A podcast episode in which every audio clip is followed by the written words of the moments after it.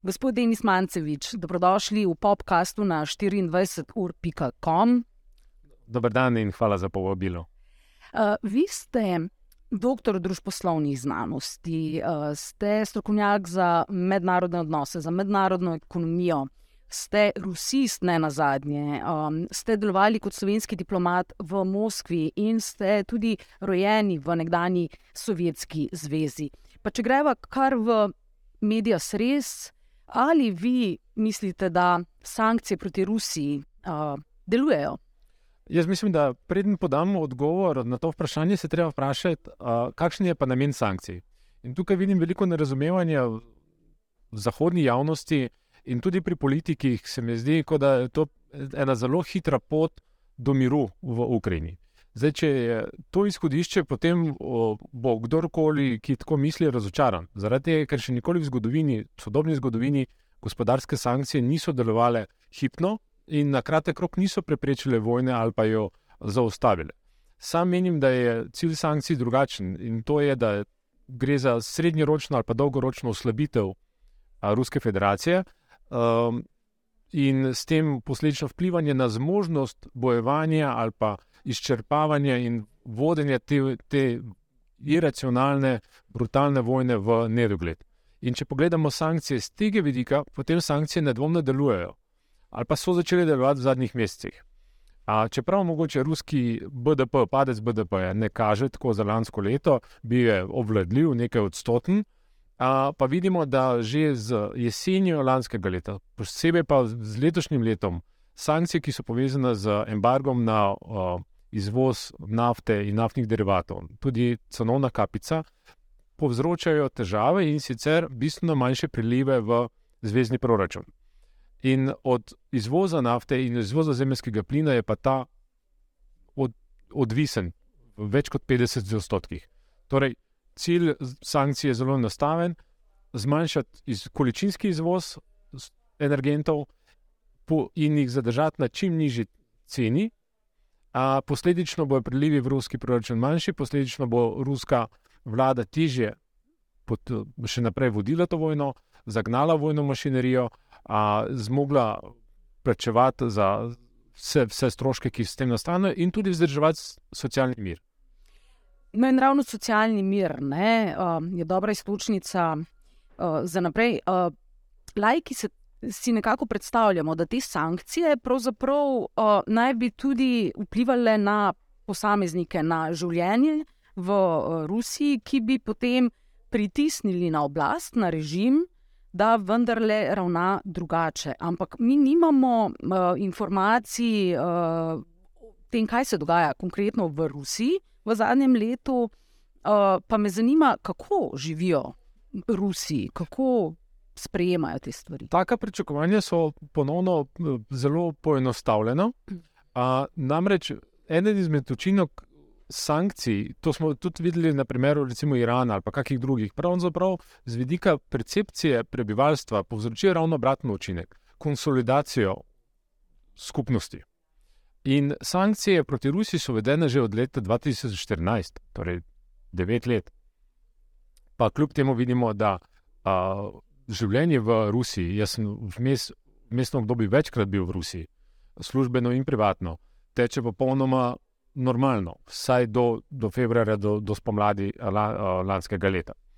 A v tem trenutku je tako, da propaganda skrbi za to, da je vojna postavljena kot nekaj, kar, v kar je bila Rusija prisiljena, kar poteka v Ukrajini, kjer je pravzaprav Rusija žrtev in se mora braniti, tako da s tem konsolidira. Medtem ko sankcije, vsaj za enkrat, dokler velja socialna stabilnost, torej dokler so pokojnine izplačene, socialni transferi, dokler industrija dobiva neke subvencije ali pa še zmožna plačevati plače delavcem v tovarnah, večjega učinka še zaenkrat nimajo. Bila je huda panika v spomladi, po začetku vojne, ko je naenkrat rubelj drastično padel ko je naenkrat inflacija poskočila, pa je potem Ruska centralna banka in vlada uspešno a, učinek devalvacije umirila in se je rubelj nazaj ukrepil. In to je že pomirilo javnost, kar pomeni, da prihranki naenkrat niso bili razvrednoteni. In dokler bo a, taka situacija, potem bo življenje v Rusiji, posebej v urbanih središčih zahodnega dela Rusije, Moskva, St. Peterburg, večja mesta, teklo dokaj normalno. Kar je seveda paradoksalno in izjemno žalostno, glede na to, da vidimo, da ta ista Rusija v Ukrajini dobesedno radira celotna mesta in uničuje vse pred seboj in za seboj. Ampak recimo na eni strani pa imamo ogromne žrtve, o, vojaške žrtve na ruski strani.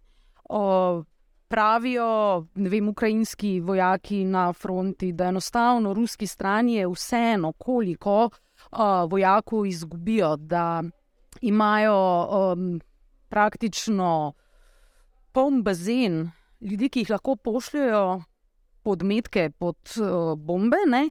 Ampak vendarle, to so od nekoga sinovi, očetje, bratje. Ne znam si predstavljati, da bi bilo vseeno Rusom, vseeno za svoje najbližje, če umirajo na, Rus na ukrajinski fronti. Žal je tako, da življenje v Rusiji in že prej v Sovjetski zvezi ni štelo prav veliko. In tudi mislim, da je bil Stalin a, avtor a, reka, ne, da pravzaprav smrt milijonov je zgolj statistika. A, tako da v tem trenutku vidimo, da čeprav so bila pričakovanja, da enkrat, ko bojo število žrtev na ruski strani preseglo recimo število žrtev v, v, v afganistanski vojni, se bo tudi javnost obrnila proti, proti vojni. Zdaj, po zadnjih nekih neuradnih informacijah, je na ruski strani trikrat, štirikrat več smrtnih žrtev med, med vojaki, med rezervisti, naborniki kot v afganistanski vojni, pa vidimo, da javnost še naprej a, dokaj mirno a, vse skupaj prenaša. A, Kremelj je to situacijo spremenila mobilizacijo, ki je bila razglašena septembra, ki že kaže na to, da ni čistko, da ima ruska vojska vse mogočne in da ima na milijone izurjenih vojakov, ampak so že potrebovali uh, rezerviste, ki so bili poklicani iz vseh možnih kotičkov, a vojaško neizurjeni. In čeprav je poskušala propaganda in tudi predsednik Putin govoriti o delni mobilizaciji, to ni bila nikakršna delna mobilizacija. To je bila polna mobilizacija, ki se je zgodila trikrat v zgodovini Rusije. Trikrat zgodila se je med prvo svetovno vojno, drugo svetovno vojno in sedaj. Torej, že to kaže na to, a, zakaj se Rusija pripravlja in koliko je pripravljena žrtvovati. Zakaj sam menim, da zaenkrat še tudi večjega odpora javnosti ni prišlo, zato ker a, je ta mobilizacija, ki je pripeljala do 300 tisoč novih poklicanih vojakov, potekala z vidika režima zelo pametno in sicer v oddaljenih republikah Ruske federacije, v čim dlje stran od Moskve in St. Peterburga, a, tudi v revnih predeljih Rusije, tam, kjer pravzaprav a, mogoče je lažje doseči to mobilizacijo in lažji prostovoljni odhod na, na front.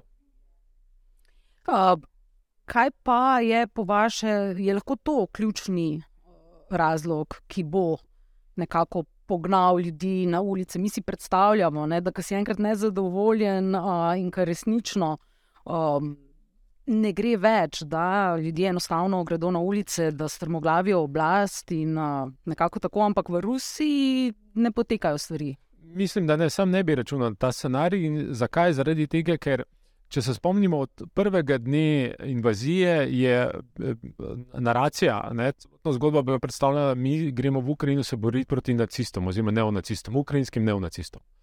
Tu ta naracija ni bila izključno izbrana strani Kremlja. In je bila v, zadnjim, v zadnjih mesecih še bolj stopnjevana. Izbrana je bila pa zaradi tega, ker je v ruski zavesti poprečnega državljana Ruske federacije ne glede na starost in generacijo, to je zelo pomembno za poudariti, uh, močno zasidran uh, boj proti nacistom v drugi stoni vojni. To niso, to, in to se ne kaže samo skozi odraz uh, vojaške porade v Kremlju, ampak uh, skozi tudi uh, več manifestacij, ki se v družbi pojavljajo tudi med letom. A posledično, če vzamemo to v obzir, uh, se temu prištejemo še zelo učinkovito in močno propagandno predvsem televizije, torej množični mediji so pod nadzorom Kremlja, potem dobimo jasno sliko, kjer poprečen državljan Ruske federacije v tem trenutku vidi vojno v Ukrajini ne kot agresorsko vojno Rusije, ampak uh, podobno kot drugo svetovno vojno, reprizo druge svetovne vojne, kjer se Rusija in ruski vojaki borijo proti zahodnim nekim silam, podobno kot so se njihovi detki borili proti neonacistom, proti nacistom v drugi svetovni vojni.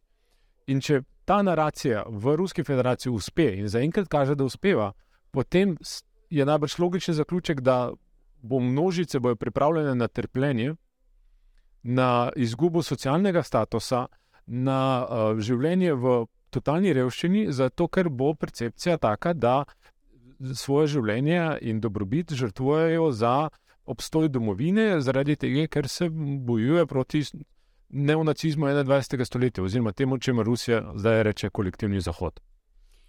Ampak tu lahko hitro pridemo do demonizacije 140 milijonov Rusov, um, hkrati posledično pa recimo na Zahodu ljudje, ki. Uh, Morda nismo toliko seznanjeni z razmerami tudi do rusko govorečih Ukrajincev v končni fazi. Um, kaj je tisto, kar uh, po vašem ne razumemo najbolje, ko gre za um, rusko kolektivno zavest um, in ne nazadnje tudi za ukrajinsko kolektivno zavest? Ja, e, ena izmed takih zadev je, da še vedno se najdejo posamezniki, tudi vplivni posamezniki, intelektualci, bolj recimo levega pola, ki kljub totalni vojni, ki se gre Rusija, padajo na, na to pro, rusko propagando, ja, da Rusija še vedno ščiti svojo manjšino v Ukrajini. A, in tukaj pride do pomanjkanja razumevanja, da ni vsak prebivalec Ukrajine, ki govori rusko, ali pa še zdaleč ni vsak tak, tudi se identificira za Rusa ali pa bi želel živeti v Ruski federaciji. Jaz sem posebej pozoren pri vsakih televizijskih ali pa radijskih poročilih iz Ukrajine, v katerem jeziku ljudje odgovarjajo novinarju ali pa dajo izjave.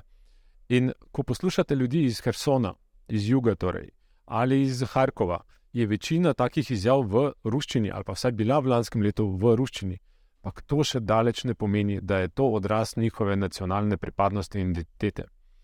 Kar pomeni, da to gre za ljudi, ki so bilingvistični, ki jim je mogoče celo ruščina bila materni jezik, ampak to še nikakor ne pomeni, da so to Rusi ali pa nekdo, ki želi živeti uh, v Ruski federaciji. Tega mi dobro ne razumemo, nasplošno pa ta vidik je, kot kaže, tudi Rusija podcenjevala, zaradi tega, ker je ocenjevala, da bo pač vojaki bojo pričakani z rožicami, podobno kot mogoče so na, na Krimu bili pričakani. Uh, in vidimo, kako odpor, pravzaprav v Harkovu, ki je drugo največje ukrajinsko mesto, če se ne motim, milijonsko mesto, kako odpor daje in to je rusko govoreče. Uh, primer, župan Harkova, ko se je srečal z predsednikom Zelenskim nekaj mesecev pred invazijo, je začel mencati pri izjavi in poskušati govoriti v ukrajinščini, pa mu je Zelenski sam rekel, pa se je v redu, govori rusko.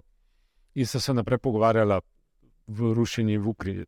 Jaz, moji prijatelji iz, uh, iz Ukrajine so večinoma iz Kijeva in vzhodnega dela, in vsi uh, bilingvistično, tako če govorijo oba jezika, in z mano normalno komunicirajo v ruščini. A, tako da to je nek vidik, ki ga je Ruska federacija a, popolnoma zanemarila. Um, da vas vprašam, tako, kakšna, kolikšna je razlika v jezikih? Tudi to uh, ne vemo najbolj. Ali bi lahko primerjali to kot slovenščino, pa hrvaščino, ali mogoče bolj kot slovenščino, pa makedonščino? Razlika je in ni, ni uh, tako majhna. In bi sam rekel, da je večja kot med slovenščino in pa predvsem seveda hrvaščino in tudi mogoče srpščino, kljub uporabi cirilice v, v srpskem e, jeziku. In ravno tukaj se kaže tudi zgodovinske poti, po kateri se je Ukrajina in tudi na nek način sorodno tudi Belorusija razvijala. Torej, kot narod se je Ukrajina spostavljala skozi stoletja, imela podobne težave pri vzpostavitvi samostojne in pridobivanju samostojne identitete kot je Slovenija, čeprav gre za bistveno večjo državo. In ravno zaradi tega, ker je bila uh, vsaj v enem delu ozemlja tudi pod vplivom uh, polsko-litovske književine, je v ukrajinskem jeziku veliko premisij, uh, tudi polščine, nekaj uh, litvanščine, in tako da se jezika uh, precej razlikujeta. Uh, vidimo pa srhljivo naracijo, ki prihaja iz Kremlja, ne, ki bi dokončno mogla odpreti oči vsem, ki, do, ki pravi, takole, da je pravzaprav to ozemlje del neke male Rusije, uh, ki je še nek, nek ta koncept iz carske, carskih časov, a, da je ukrajinščina kot samostojni jezik ne obstaja, podobno kot beloruščina za Ruse, za Kremlj ne obstaja. In posledično gre za to, za neke anomalije v neki civilizacijski, a, večji ne vem, pridobitvi ne, ali pa neki večji nadnacionalni a, v ruski civilizaciji. In to je srhljivo, ker pravzaprav s tem a, Rusija, Kremlj, ne, da ne bom rekel Rusija, ampak Kremlj in, in vodstvo v Kremlju odreka sploh obstoj suverenih a, narodov, čeprav so ti se borili in so mednarodno priznani in obstajajo. Veste, kaj me zanima? Uh, zelo me je pozitivno presenetilo pred leti, recimo, ko sem bila v Rusiji, kako zelo je kultura temu narodu pomembna, koliko ljudje berejo, koliko hodijo v gledališča, opero, balet. In to ne zato, da se gredo pokazati, ampak je to stvar dejansko nacionalne identitete.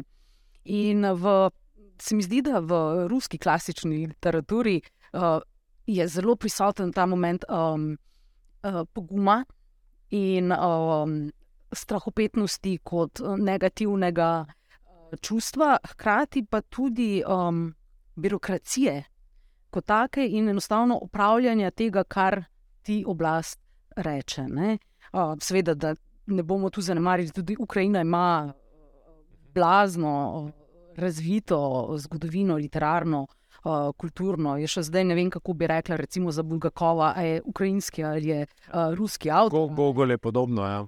Ali pa Google, recimo. Ne?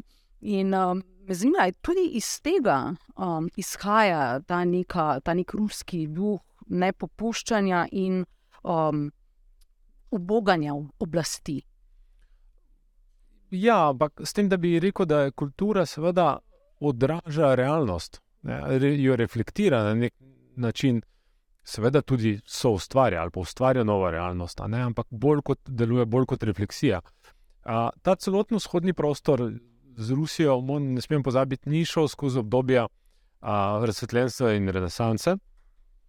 A, in je posledično, a, so nekatere stvari v družbi, ki jih mi težko razumemo, kot je recimo delitev crkvene in politične oblasti, ne, je na zahodu v zahodnih družbah že postala standard, že, že nekaj časa, tako kot nekatere temeljne človekove pravice. A, v Rusiji marsikaj od tega ni bilo, pa še vedno mogoče ni vzpostavljenega, zaradi tega, ker določenih procesov preprosto v družbi niso potekali v tem delu sveta.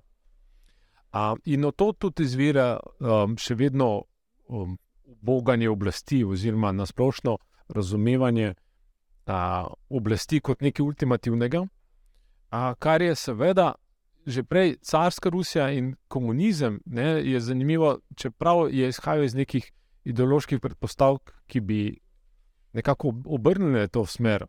A, so pa seveda vemo, kaj je komunizem naredil v, v Rusiji in kakšno uničenje je pustil. Torej, komunizem je samo to dodatno še potenciral do totalnega strahovladja.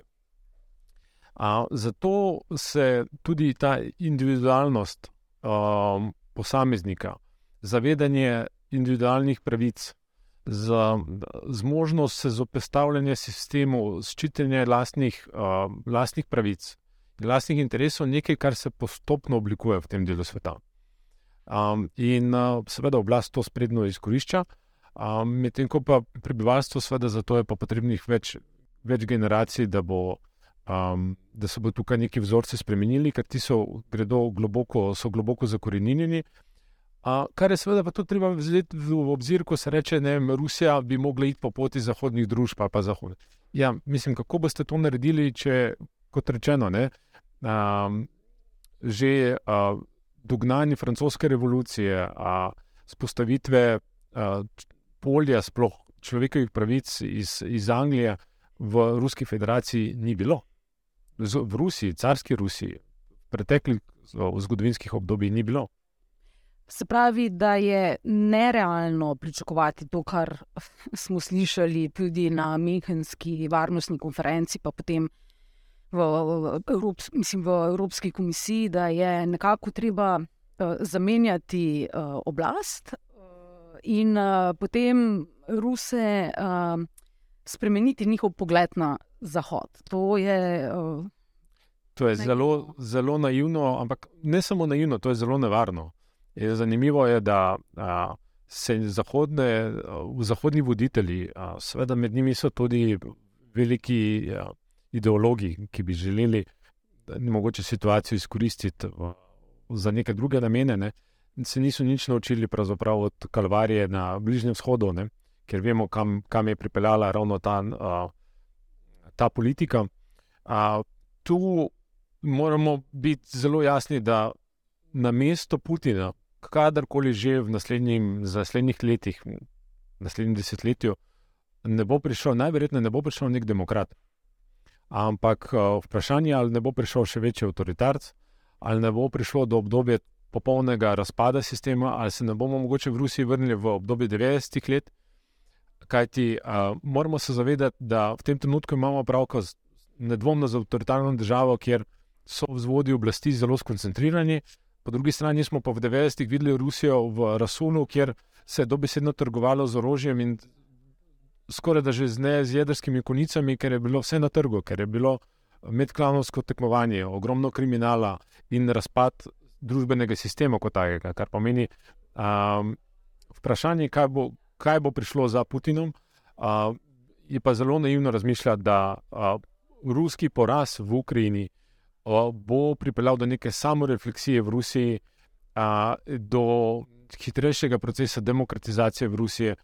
Na, ampak najverjetneje bo prišlo ravno do obratnega. Torej, treba se zavedati, da je lahko pride do še večjega nacionalizma, do še, konsolida, do še večje konsolidacije in da lahko pride do tekmovanja elit med, med seboj, in na nek način je to lahko nadaljevanje razpada Sovjetske zveze še naprej.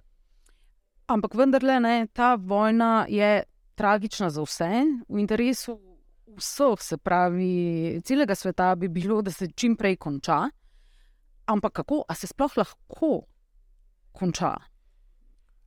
Jaz sem pri tem realistično skeptičen, a preprosto pa ne zaradi tega, ker bi tako bilo moje mnenje, ampak zaradi tega, ker mislim, da ni ravno veliko signalov, nažalost, ki bi kazali na hiter zaključek te vojne. A, namreč, kaj se dogaja? Putin in Kremlj se je podal v neko vojaško avanturo, a, in po vseh signalih, izjavah, tudi pred nekaj dnevi, vidimo, da se pripravlja na nadaljevanje te vojne. Na drugi strani imamo Ukrajino, ki se je uspešno, ki se uspešno bori, a, ki je konsolidirala družbo in spostavila neko ravnotežje na, na bojišču, kar je seveda tudi v interesu ne samo Ukrajine, ampak tudi Evrope, da ne rečem celega sveta. In je tukaj absolutno dožnost zahodnih držav, da Ukrajini v tej situaciji pomagajo. Za, zdaj, in že ta današnja situacija lahko traja še naslednja leta z izčrpavanjem, dinamika mogoče se bo tukaj nekoliko spremenila, ampak lahko še traja. Tako da Putinu zaenkrat, kot kaže, ni v interesu uh, se pogajati. Za Ukrajince bi pa najbrž trenutno pogajanje pomenilo tako ali drugačno prodajo a, in izgubo ozemlja, in seveda postavlja se pod smiselnost vseh dosedanjih bojev ne, in, in izgub, ki jih Ukrajina trpi. Sam bi iskal rešitev neke vrste dogovora med dvema silami, pa niti ne toliko Rusijo in ZDA, kot se pogosto omenja. Žal mislim, da tukaj nekega dialoga pametnega ne bo ampak predvsem Kitajsko. Kitajsko in ZDA, Kitajsko v trikotniku z Evropsko unijo ali pa v nekem kvadratu še z Rusijo. A, kaj ti vele sile, tudi v tem trenutku, še kot kaže, dokaj ustreza ta trenutna situacija, je koliko toliko pod nadzorom, torej vsi zelo pazijo na to, da ne eskalira v svetovno vojno ali pa da ne gre čez meja Ukrajine, čeprav vidimo v Moldovi, bi se mogoče lahko bila neka taka točka. Ne? In to bi seveda bilo, nasled, bi bil naslednji korak k možni res, resnično tretji svetovni vojni. No, in na tem mestu bi se morali tudi um, evropejci in uh, zahodnjaki morda malce bolj zavedati, da Evropa ni edina soseda Rusije in da ima ogromno mejo tudi z drugimi državami, da imajo druge težave tudi znotraj um, same Ruske federacije in da je ta evropocentrični pogled mogoče precej nevaren. Ne?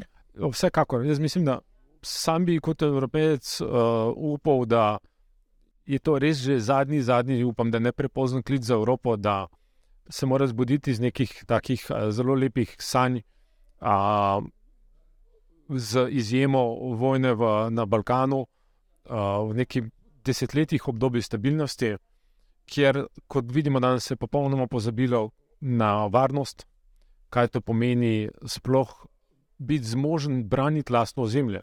Glejmo, kako samo pomemben ta element je v Ukrajini danes in kako pravzaprav največ je nizko na prioriteti posameznega evropejca. Uh, to se odraža seveda tudi skozi zmogljivosti uh, orožarske industrije, pa nisem noben zagovornik nje, ampak vidimo, da danes prihajamo v obdobje, mogoče nazaj v zgodovino, ko je pravzaprav ta osnovna, osnovni element biti zmožen braniti svojo zemljo, državo, suverenost, uh, je še kako aktualen. Ne, vidimo to tisoč km stran. To ni, pogosto imamo evropejci težavo z dojemanjem težav tretjega sveta, pa, pa v Afriki, pa v Aziji, pa v Latinski Ameriki. To je pa to pred našimi vrati. Ne. A, tako da uh, sam bi, bi upal, da bi to Evropsko unijo spodbudilo k temu, da ne sme biti neki igralec, ki je odvisen od korakov ZDA, uh, kar pomeni, da mora vrsto svojih politik spremeniti, uh, biti bistveno bolj proaktiven uh, in zmožen odgovarjati na več kriz v svoji soseščini. Evropa, mi smo postavljeni geografsko, geopolitično v nek prostor, ki ga ne moremo kar tako zamenjati.